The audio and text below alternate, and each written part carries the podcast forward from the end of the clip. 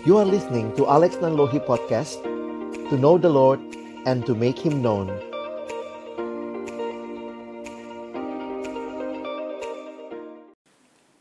Jemaat yang dikasihi Tuhan, mari berdoa sebelum kita membaca merenungkan kebenaran firman Tuhan. Kami datang dalam ucapan syukur di hari perhentian yang kau berikan kepada kami untuk kami datang memuji, memuliakan namamu ya Tuhan. Dan kami sudah menikmati setiap pujian kami kepada Tuhan yang menyatakan bahwa sungguh engkaulah Tuhan satu-satunya juru selamat di dalam kehidupan kami. Tiba waktunya kami akan membuka firman-Mu ya Tuhan, kami mohon ketika kami membuka firman-Mu, bukalah juga hati kami. Jadikanlah hati kami seperti tanah yang baik, supaya ketika benih firman Tuhan ditaburkan boleh sungguh-sungguh berakar, bertumbuh, dan juga berbuah nyata di dalam kehidupan kami. Berkati hambamu yang menyampaikan, setiap kami yang mendengar, Tuhan tolonglah kami semua agar kami bukan hanya menjadi pendengar-pendengar firman yang setia, tapi mampukan dengan kuasa, dengan pertolongan dari rohmu yang kudus, kami dimampukan menjadi pelaku-pelaku firman-Mu di dalam kehidupan kami. Bersabdalah ya Tuhan, kami sedia mendengarnya. Di dalam satu nama yang kudus, nama yang berkuasa, nama Tuhan kami Yesus Kristus, kami menyerahkan pemberitaan firman-Mu. Amin. Shalom, selamat pagi jemaat yang dikasihi dalam nama Tuhan Yesus Kristus. Hari ini kita bersama-sama memasuki minggu Advent yang kedua. Sebagaimana yang kita ingat bahwa Advent artinya datang. Kita mengingat kedatangan Kristus 2000 tahun yang lalu dan juga kita menyambut, mempersiapkan masuk dalam penyambut kedatangan Kristus kali yang kedua. Itulah iman percaya kita dan kita percaya Yesus bukan hanya berjanji tetapi dia akan menepati janjinya dan dia akan datang kembali di dalam waktu sesuai dengan kehendaknya. Nah, saudara yang dikasihi Tuhan, jemaat yang dikasihi Tuhan, Pagi hari ini, tema yang akan kita renungkan adalah Jesus Light of the World. Ini menjadi bagian yang melanjutkan apa yang minggu lalu sudah saya sampaikan di dalam kitab Yesaya.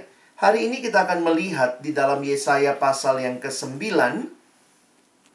Kita akan melihat Yesaya pasal yang ke-9 di dalam ayat yang pertama sampai dengan ayat yang kelima. Yesaya pasal 9 ayat yang pertama sampai dengan ayat yang kelima dan kita akan membaca bagian ini. Saya akan membacakan bagi kita sebagaimana ayat-ayat yang sudah tercantum di layar Bapak Ibu Saudara sekalian. Bangsa yang berjalan di dalam kegelapan telah melihat terang yang besar. Mereka yang diam di negeri kekelaman, atasnya terang telah bersinar. Engkau telah menimbulkan banyak sorak-sorak dan sukacita yang besar. Mereka telah bersukacita di hadapanmu, seperti sukacita di waktu panen, seperti orang bersorak-sorak di waktu membagi-bagi jarahan. Sebab kuk yang menekannya dan gandar yang di atas bahunya, serta tongkat si penindas telah kau patahkan seperti pada hari kekalahan Midian. Sebab setiap sepatu tentara yang berderap-derap dan setiap jubah yang berdulumuran darah akan menjadi umpan api. Sebab seorang anak telah lahir untuk kita, seorang putra telah diberikan untuk kita. Lambang pemerintahan ada di atas bahunya, dan namanya disebutkan orang. Penasehat ajaib, Allah yang perkasa, Bapa yang kekal, Raja Damai. Sedemikian jauh pembacaan firman Tuhan, berbahagialah kita yang bukan hanya membacanya, tapi merenungkan, mengaplikasikan dalam hidup kita dan membagikannya bagi sesama kita. Jemaat yang dikasihi Tuhan, apa sih yang paling kita ingat waktu kita merayakan Natal ya? Seringkali ini jadi hal yang penting ketika kita akan kembali menyiapkan diri masuk di dalam perayaan Natal. Satu waktu saya membaca sebuah artikel yang ditulis oleh seorang hamba Tuhan dengan judul yang provokatif, saudara. Dia tuliskan merayakan Natal itu berbahaya. Mengapa?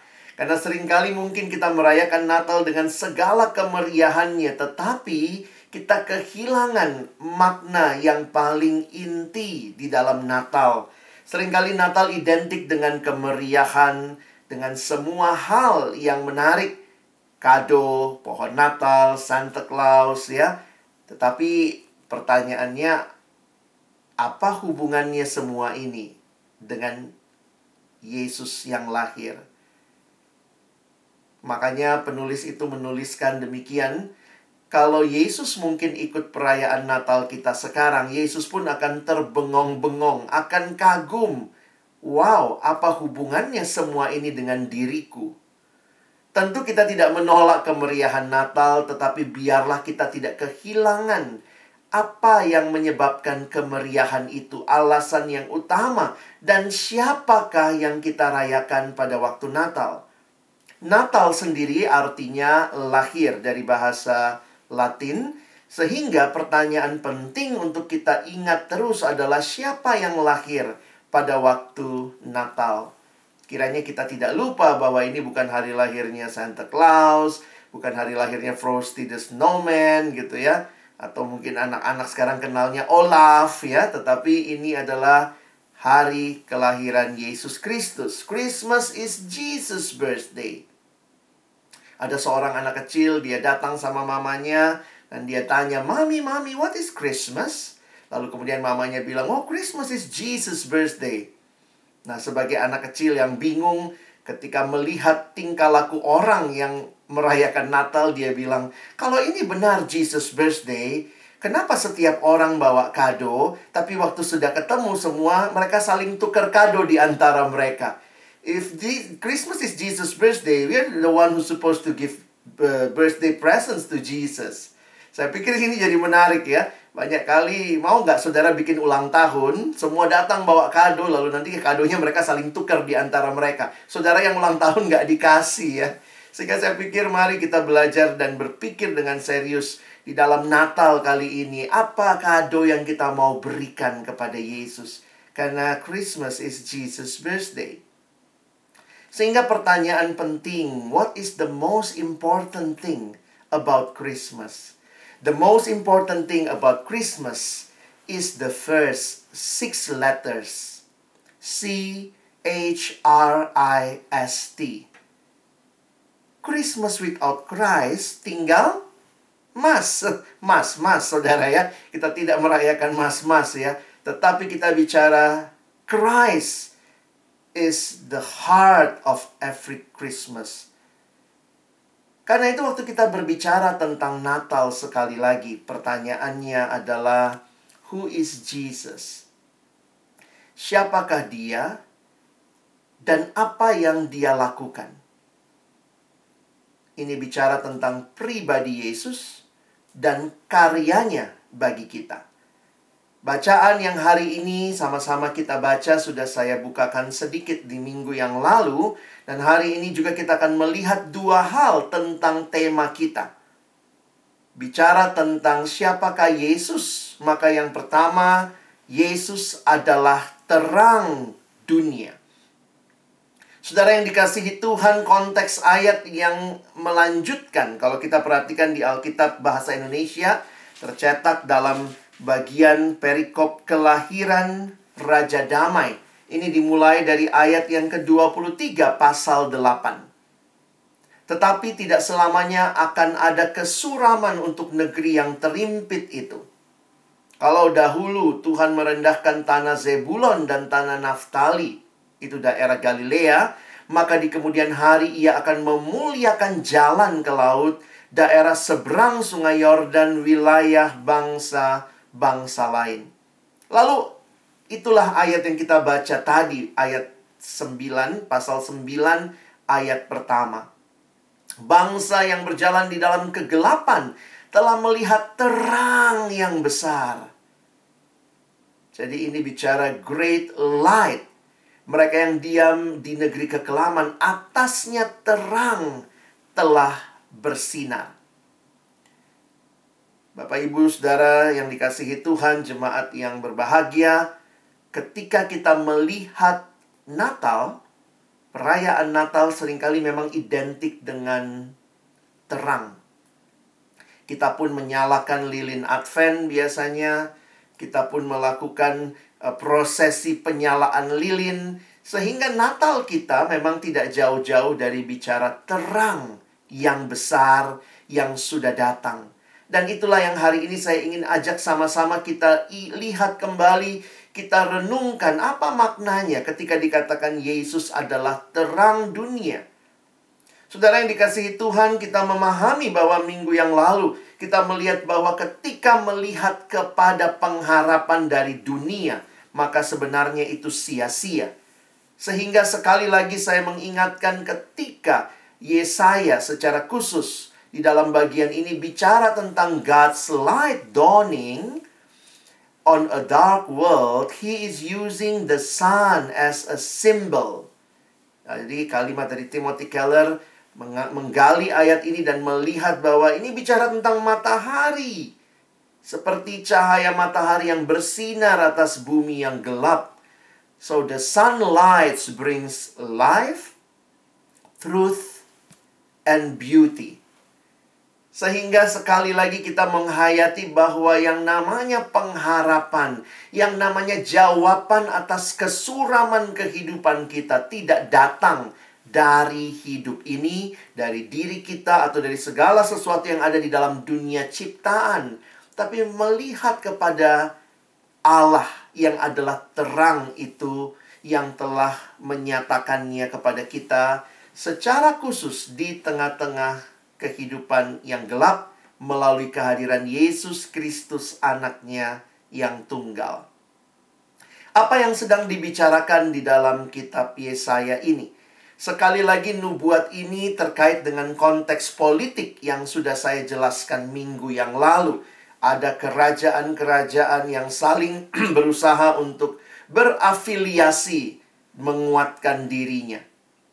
Sehingga kalau saudara memperhatikan pada waktu itu kerajaan Yehuda yang takut dengan kerajaan Aram dan kerajaan Israel, koalisi kerajaan yang mau menyerang mereka, malah Yehuda meminta bantuan kepada Asyur. Dan di dalam kaitan inilah firman Tuhan datang melalui Nabi Yesaya kepada Raja Yehuda. Jangan andalkan mereka. Pertolongan adalah dari Tuhan dan menarik sekali, ketika manusia di dalam peta politik pada masa itu berusaha untuk survive, mempertahankan diri dan salah satu caranya waktu itu adalah perang, Saudara ya. Sehingga nanti ketahuan siapa yang akan menang perang. Tetapi perhatikan gambaran yang diberikan di dalam Yesaya pasal 9 ini. Gambarannya adalah Tuhan sendiri yang berperang dan memberikan kemenangan kepada umatnya. Saudara, waktu mereka berusaha dengan usaha mereka sendiri, mereka coba koalisi dengan kerajaan yang lebih kuat, berusaha untuk menaklukkan kerajaan lain yang menjadi ancaman, seolah-olah peperangan usaha mereka lah yang akan memberikan ketenangan, keamanan. Ayat 2 sampai ayat yang keempat menyatakan Tuhan sendiri yang berperang dan memberikan kemenangan bagi umatnya. Saudara lihat ayat-ayat ini, menarik sekali. Engkau telah menimbulkan banyak sorak-sorak dan sukacita yang besar. Mereka telah bersukacita di hadapanmu. Siapakah engkau di sini? Tuhan sendiri. Lalu saudara perhatikan, seperti sukacita di waktu panen, seperti orang bersorak-sorak di waktu membagi-bagikan jarahan. Perhatikan ayat yang ketiga, sebab kuk yang menekannya dan gandar yang di atas bahunya, serta tongkat si penindas telah kau patahkan. Siapa yang mematahkan? Tuhan sendiri. Dengan referensi seperti pada hari kekalahan Midian, satu perang yang luar biasa tapi kemudian dimenangkan ayat yang keempat.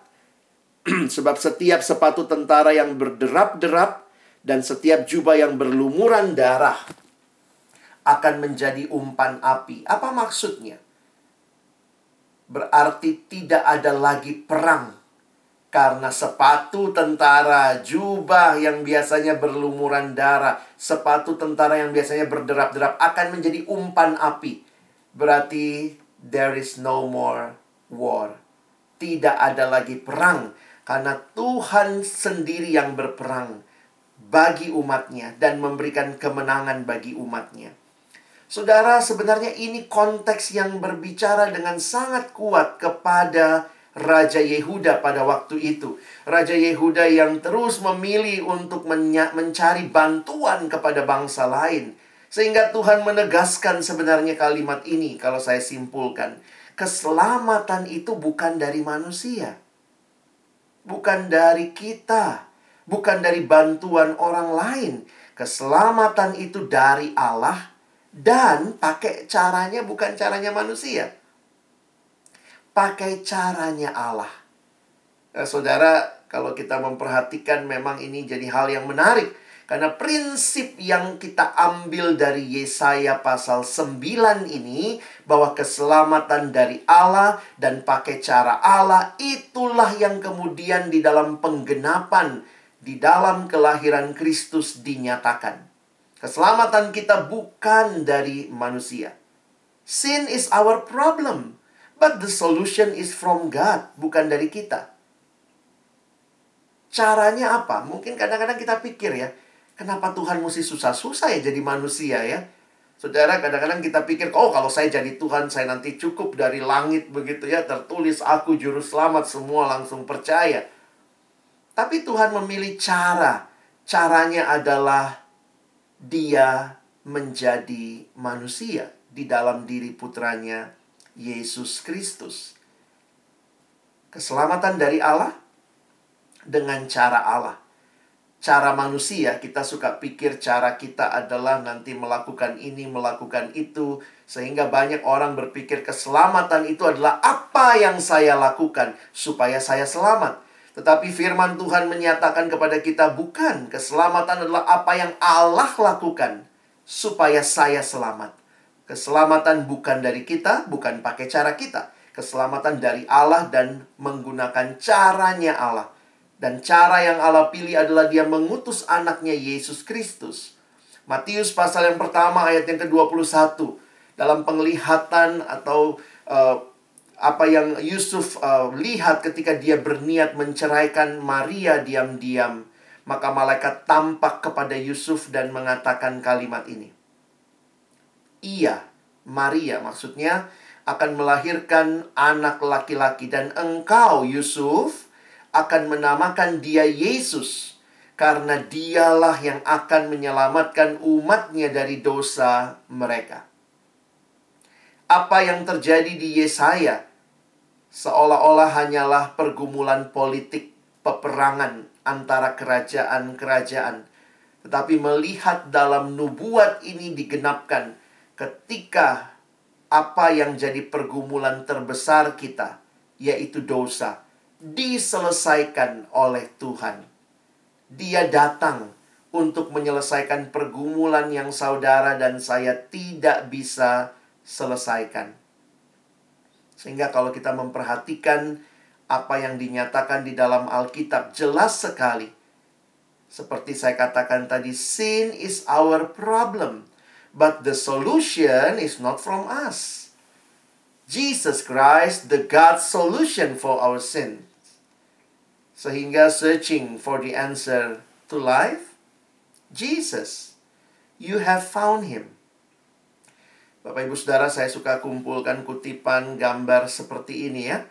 Karena sering kali picture speaks a thousand words cari di mana ya uh, keyboard S-nya dua seperti itu ya demi kepentingan ilustrasi sehingga kembali kita melihat bahwa memang benar bahwa keselamatan adalah dari Allah dengan caranya Allah di dalam anaknya Tuhan kita Yesus Kristus Sehingga sekali lagi kita jangan meromantiskan Natal seolah-olah oh ada bayi mungil yang lahir ada di kandang domba di palungan. Karena sebenarnya itu permulaan dari karyanya. Palungan bukan segala-galanya. Karena Yesus yang lahir, dia bertumbuh besar, dia melayani, dia juga menderita dia menyerahkan nyawanya mati bagi kita. Namun dia bangkit dan dia menang. Dia naik ke surga duduk di sebelah kanan Allah dan dia berjanji akan datang kali yang kedua. Kan itu saudara ada satu dekorasi Natal yang tidak pernah saya lupa. Ini dekorasi yang sangat sederhana. Saya waktu itu mikir apa panitianya nggak punya duit kali ya. Sangat-sangat sederhana. Tapi itu dekorasi yang berbicara dengan sangat jelas tentang apa yang terjadi melalui kehidupan Yesus. Dan kira-kira kalau saya gambarkan ulang, dekorasinya hanya seperti ini, saudara. Jadi kalau lihat di sebelah kiri begitu ya, kalau Bapak Ibu lihat di sebelah kiri dari panggung pada waktu itu ada palungan. Lalu kemudian di sebelah kanan ada Bukit Kalvari, Golgota. Lalu kemudian ada jalan yang lurus dari bayi itu terus sampai ke Kalvari. Saya pikir ini satu gambar yang sangat jelas mengingatkan bahwa Yesus yang lahir, dia lahir untuk menyelamatkan manusia dari dosa. Karyanya tidak berhenti di kayu, tidak berhenti hanya di palungan, tetapi sampai di kayu salib. Dan ini menjadi satu tanda bahwa manusia engkau tidak bisa selesaikan dosamu. Sebenarnya Natal itu menempelak kita yang sombong, yang kita pikir saya bisa selesaikan dosa saya. Tapi Natal seharusnya mengingatkan kita bahwa kita tidak sanggup menyelamatkan diri kita. Kita butuh juru selamat. Pada masa itu ada tanda yang diberikan oleh nabi kepada Raja Yehuda. Sehingga diingatkan itulah yang kita baca di dalam ayat yang kelima. Sebab seorang anak telah lahir untuk kita, seorang putra telah diberikan untuk kita. Tentu para penafsir juga melihat bahwa ayat ini ada penggenapan pada masa itu. Mungkin penggenapannya di dalam kelahiran anak sang nabi di pasal 8 kita bisa lihat tetapi juga banyak yang mengatakan bahwa ini adalah sebuah nubuatan yang jauh ke depan sebagaimana yang kita pahami digenapkan di dalam Kristus. Dan Kristuslah yang bisa menggenapkan nubuat ini dengan sempurna. Karena itu sekalipun benar ada yang lahir pada waktu itu menjadi tanda, tetap dia tidak menggenapkan hal ini dengan sempurna karena ayat yang luar biasa ini hanya digenapkan secara sempurna di dalam Kristus. Ada hal yang menarik yang saya ingin ajak kita perhatikan bahwa ada nama yang muncul dari anak yang lahir itu, putra yang diberikan itu. Dan nama ini apa artinya buat kita? Nah, kalau kita perhatikan ini adalah nama Sang Mesias yang lahir dan dijanjikan itu. Sehingga perhatikan bahwa di dalam bagian ini Yesaya menggunakan empat nama untuk menggambarkan, menjelaskan Sang Mesias. Dan nama-nama ini tentunya bukan hanya sekadar nama, tapi ada bagian yang menjadi milik kita. Special meaning to us. Saya meminjam penjelasan dari Pastor Paul David Tripp dalam tweetnya. Saya ikuti tweet dia, jadi ketika melihat empat nama ini dibahas secara singkat, menarik untuk kita perhatikan. Dia mengatakan yang pertama namanya adalah penasehat ajaib, wonderful counselor. The one is wisdom is because of that the ultimate source of everything that is good, wise, and true. Saudara sadarkah kita bahwa dia adalah penasehat yang ajaib, sumber segala hikmat. Luar biasa. Di tengah-tengah bangsa Yehuda pada waktu itu yang mencoba mengandalkan hikmat dari bangsa lain, kekuatan peperangan yang dimiliki oleh bangsa lain. Tuhan mengingatkan anak yang lahir itu adalah wonderful counselor Selanjutnya, dikatakan dia adalah mighty God, the omnipotent one, who alone has the power to conquer sin and death, the power to grant eternal life. Dia bukan hanya manusia, tapi dia adalah Allah yang perkasa. Dia yang berkuasa menyelamatkan kita dari kuasa dosa. Karena itu sekali lagi tidak mungkin kita selamatkan diri kita hanya mungkin kalau anugerah Allah di dalam Kristus diberikan kepada kita. Nama berikutnya cukup menarik, saudara. Dikatakan dia Bapa yang bahasa Indonesia menggunakan Bapa yang kekal, everlasting Father. So who is this child actually?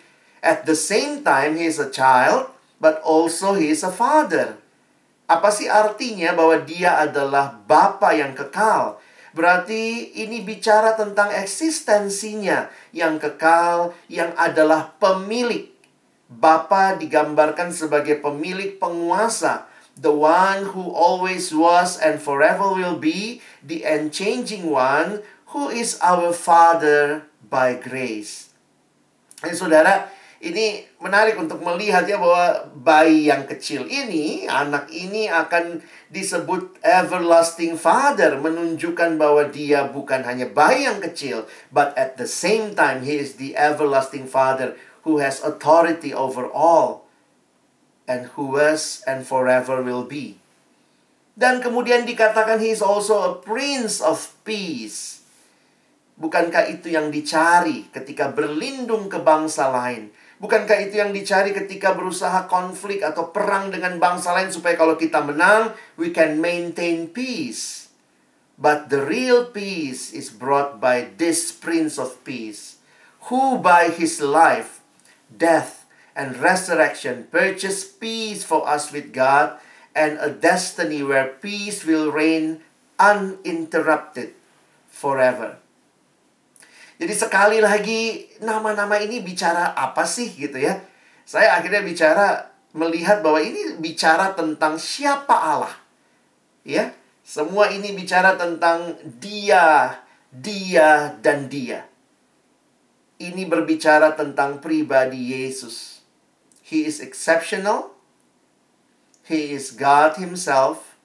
Everlasting Father, he is timeless and Prince of Peace, his government is one of justice and peace. Saudara, kalau kita sudah punya semua ini untuk keselamatan kekal kita, kita butuh apa lagi? Ya, semuanya diberikan di dalam Kristus. Jadi, ketika gambaran yang kita lihat di ayat 1 ya. Gambaran tentang terang itu.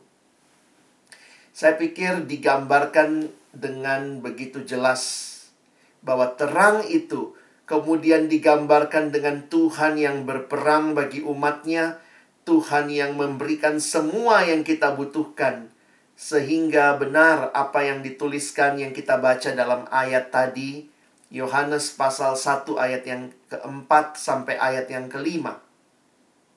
Dalam dia ada hidup dan hidup itu adalah terang manusia. Terang itu bercahaya di dalam kegelapan dan kegelapan itu tidak menguasainya. Saudara, ini gambaran tadi bahwa ketika Tuhan hadir dia berperang bagi umatnya, dia memberikan kemenangan karena dia sendiri adalah Allah, maka benar umatnya memperoleh kehidupan dan kegelapan itu tidak lagi menguasai. Yesus menggenapkan itu. Yohanes 12 ayat 46 Yesus berkata, "Aku telah datang ke dalam dunia sebagai terang, supaya setiap orang yang percaya kepadaku tidak tinggal di dalam kegelapan. Saya menyimpulkan bagian ini dengan kalimat berikut. Bahwa terang yang sedang kita bicarakan dari tadi adalah terang Kristus sendiri. And this light, the light is not from internal or even external. Kalau kita bicara dalam konteks dunia, it's not from eternal, not from external, but the light is from eternal. Saudara, hanya karena Kristus terang dunia itulah saudara dan saya benar-benar bisa mengalami the real life. Hidup yang sejati. Ini pertama yang kita renungkan dan yang terakhir. Kalau Yesus adalah terang dunia, ya, kalau kita udah bilang tadi Yesus adalah terang dunia, maka yang kedua, orang percaya juga adalah terang dunia. Wah, menarik ini. Yesus terang dunia, ternyata Alkitab juga berbicara bahwa orang percaya kita adalah terang dunia. Ayat yang terkenal di dalam Injil Matius pasal 5 ayat 13 sampai 16. Kalimatnya demikian. Kamu adalah garam dunia. Jika garam itu menjadi tawar dengan apakah ia diasingkan, tidak ada lagi gunanya selain dibuang dan diinjak orang. Ayat 14. Kamu adalah terang dunia. Kota yang terletak di atas gunung tidak mungkin tersembunyi. Lagi pula, orang tidak menyalakan pelita lalu meletakkannya di bawah gantang, melainkan di atas kaki Dian, sehingga menerangi semua orang dalam rumah itu. Demikianlah hendaknya terangmu bercahaya di depan orang, supaya mereka melihat perbuatanmu yang baik dan memuliakan Bapamu yang di sorga. Saudara mari lihat sebentar, ada masalah teologis di sini. Jadi yang terang dunia itu siapa? Yesus atau kita. Karena Yesus pun berkata di ayat 14, kamu adalah terang dunia. Tapi Yohanes 8 tadi dia berkata, akulah terang dunia. Sehingga bagaimana mengerti akan hal ini? Saya menyimpulkan dengan kalimat berikut. Ingat baik-baik, kita bukanlah sumber terang itu. Benar, kita terang dunia. Tapi kita bukanlah sumber terang itu. Hanya Yesus sumber terang yang sejati. Karena itu, miliki relasi yang hidup dengan Yesus supaya saudara dan saya bisa hidup sebagai anak-anak terang. Yesus berkata di Yohanes pasal 8, Akulah terang dunia.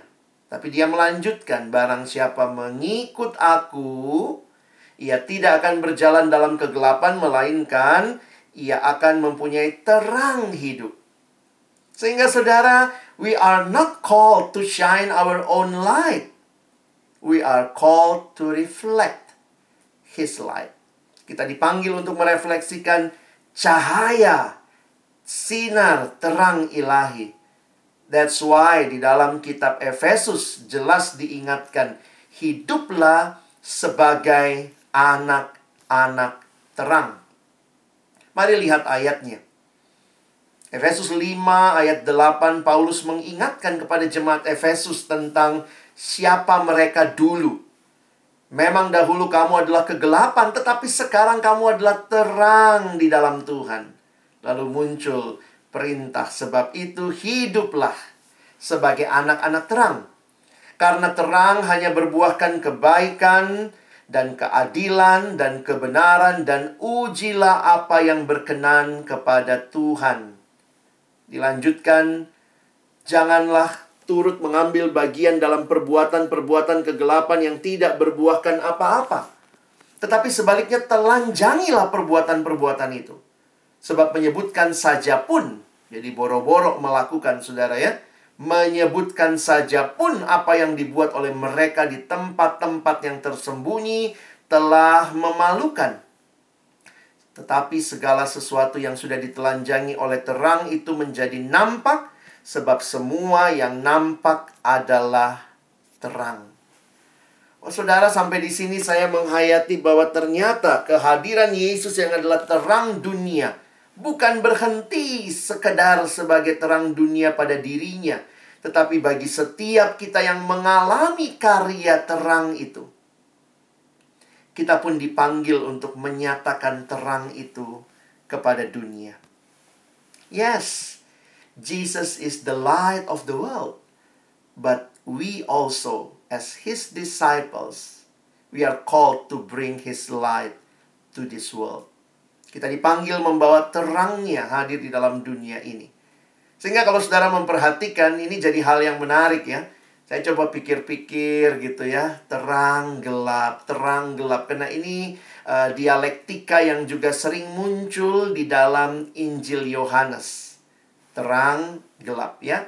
Tapi kalau kita pikir-pikir saudara, Apakah lawannya terang? Kalau saya tanya begitu ya, apa lawannya terang? Orang akan jawab gelap. Apa lawannya gelap? Terang. Tapi benarkah terang sama gelap berlawanan? Nah, coba pikir sebentar ya. Apakah terang itu berlawanan dengan gelap? Kalau saudara pikir-pikir, sebenarnya tidak demikian ya. Karena secara eksistensial, bahwa terang tidak berlawanan dengan gelap. Karena kalau berlawanan itu kira-kira begini gambarannya ya. Coba kita belajar fisika sebentar ya. Kalau itu adalah sebuah apa ya, lawan sebenarnya kan harusnya begini. Kalau ada senter terang untuk menerangi kegelapan, maka kalau terang sama gelap berlawanan atau sama kuat harusnya ada senter gelap untuk menggelapi keterangan. Saya ulang ya. Kalau ada senter terang untuk menerangi kegelapan, harusnya kalau sama kuat, harusnya ada juga dong senter gelap untuk menggelapi keterangan. Kira-kira begitu ya. Tapi realitanya tidak demikian. Tentu kalau ujian bahasa Indonesia tetap kita jawab lawannya gelap, terang lawannya terang, gelap. Tetapi kalau kita bicara secara ilmu fisika, terang tidak berlawanan dengan gelap. Kenapa? Nah, coba kita bayangkan ya. Saya kasih satu cerita. Bapak, Ibu, Saudara, jemaat yang dikasih Tuhan, coba dengar cerita ini ya. Ini cerita tentang gua. Uh, bukan gue ya, bukan gua, gua, gua ya. Jadi bayangkan ada sebuah gua, ini cerita fiksi ya, jadi coba dihayati saja. Jadi pada satu masa hiduplah gua di dasar bumi yang gelap dan dingin. Nah, gua ini terbiasa di rumahnya di dasar bumi yang gelap dan dingin. Satu hari, gua menerima undangan yang dikirimkan oleh sahabatnya matahari yang tinggal di permukaan bumi. Matahari mengundang gua untuk datanglah ke permukaan bumi. Matahari berjanji akan menunjukkan keindahan permukaan bumi. Hari yang ditentukan tiba, dan gua kemudian naiklah ke permukaan bumi, memenuhi undangan sahabatnya matahari. Wah, ketika sampai di permukaan bumi, matahari mengantar gua melihat semua keindahan di permukaan bumi. Dan matahari menjanjikan kepada gua, inilah semua yang indah kamu tunjuk aku tunjukkan kepadamu dan benar hari itu dia memberikan uh, memenuhi janjinya kepada gua. Sore menjelang, gua harus kembali ke rumahnya di dasar bumi yang gelap dan dingin. Beberapa hari kemudian setelah pulang dari kunjungan di permukaan bumi, gua merasa berhutang budi kepada matahari. Akhirnya gua mengirimkan undangan balasan kepada matahari. Dia bilang di undangannya, Mat, mungkin gitu ya, Mat, matahari, datanglah ke rumahku. Apalagi matahari itu sangat penasaran. Seumur-umur dia belum pernah lihat kegelapan. Hari yang ditentukan pun tiba, maka matahari datang memenuhi undangan gua. Matahari datanglah ke rumahnya gua. Dan pada waktu itu, gua pun mengajak matahari berkeliling di dalam rumahnya. ketika berjalan berkeliling, berbicara, ngobrol 5 menit, matahari masih tahan. 10 menit, matahari masih tahan. Eh, 15 menit matahari udah nggak tahan lagi. Lalu matahari bilang, gua, gua, gua berhenti dulu, berhenti dulu. Kau janji loh sama saya. Kau janji akan tunjukkan kegelapan itu. Kita sudah muter-muter dari tadi 15 menit. Mana kegelapan itu? Saudara bisa menangkap ilustrasi ini? Mana kegelapan itu? Saudara yang dikasihi Tuhan, perhatikan ayat 13. Tetapi segala sesuatu yang sudah ditelanjangi oleh terang itu menjadi nampak. Sebab semua yang nampak adalah terang. Jadi sebenarnya apa itu kegelapan? Kegelapan adalah ketiadaan terang. Saya ulangi. Kegelapan itu adalah ketiadaan terang. Jadi terang sama gelap sebenarnya tidak berlawanan. Karena apa? Kedua-duanya tidak bisa eksis bersamaan. Ketika ada terang, gelap pergi. Tidak mungkin gelap bisa eksis ketika terang ada. Wah, sehingga saudara, tidak heran di ayat 11 dikatakan sebaliknya telanjangilah perbuatan-perbuatan itu. Kalau saudara dan saya adalah terang di dalam Tuhan, maka kehadiran kita harusnya mengenyahkan kegelapan. Saudara jangan pikir gelap sama terang itu satu sama ya. Sorry, nggak demikian. Apalagi jelas sekali Tuhan menyatakan dirinya adalah terang dan iblis dan semua antek-anteknya disebut kegelapan. Jangan saudara pikir Tuhan sama iblis satu sama, sama kuat. No. Tuhan jauh lebih kuat. Dan ketika dia hadir, dia mengenyahkan kegelapan. Saudara dan saya tidak sekadar dipanggil jadi terang untuk bersinar begitu begitu rupa hanya bagi diri kita sendiri. Tapi sebenarnya kehadiran kita harusnya menjadi satu teladan untuk hidup berbeda dengan dunia. Ketika terang itu hadir, kiranya kegelapan itu sirna.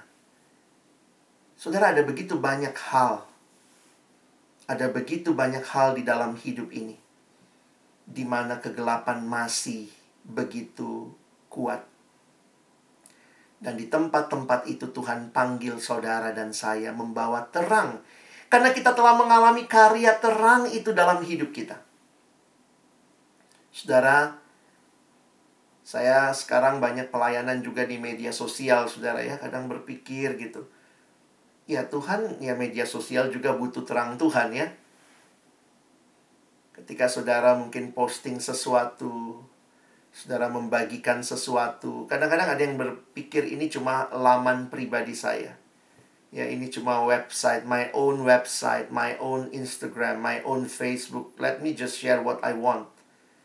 Tapi kalau kita menghayati bahwa kita sudah mengalami terang itu kiranya kiranya melalui postingan-postingan kita melalui apa yang kita sampaikan itu juga membawa orang-orang boleh melihat siapa sebenarnya terang yang sejati.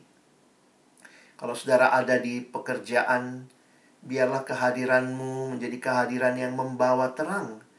Ketika saudara ada di pendidikan, saudara juga membawa terang di situ Ketika saudara ada di keluarga, di rumah tangga, kehadiran saudara membawa terang itu. Sehingga kegelapan tidak punya hak lagi untuk bertakhta. Saya tutup dengan kutipan dari pendeta John Stott.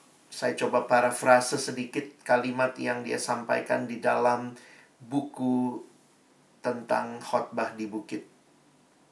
Ketika membahas khotbah di Bukit Pendeta John Stott menuliskan kira-kira saya parafrase seperti ini. Jika daging busuk, jangan salahkan daging, tapi tanyakan di manakah garamnya. Jika dunia busuk, jangan salahkan dunia, tapi tanyakan di manakah garam dunia. Jika rumah gelap, jangan salahkan rumah, tapi tanyakan di manakah lampunya.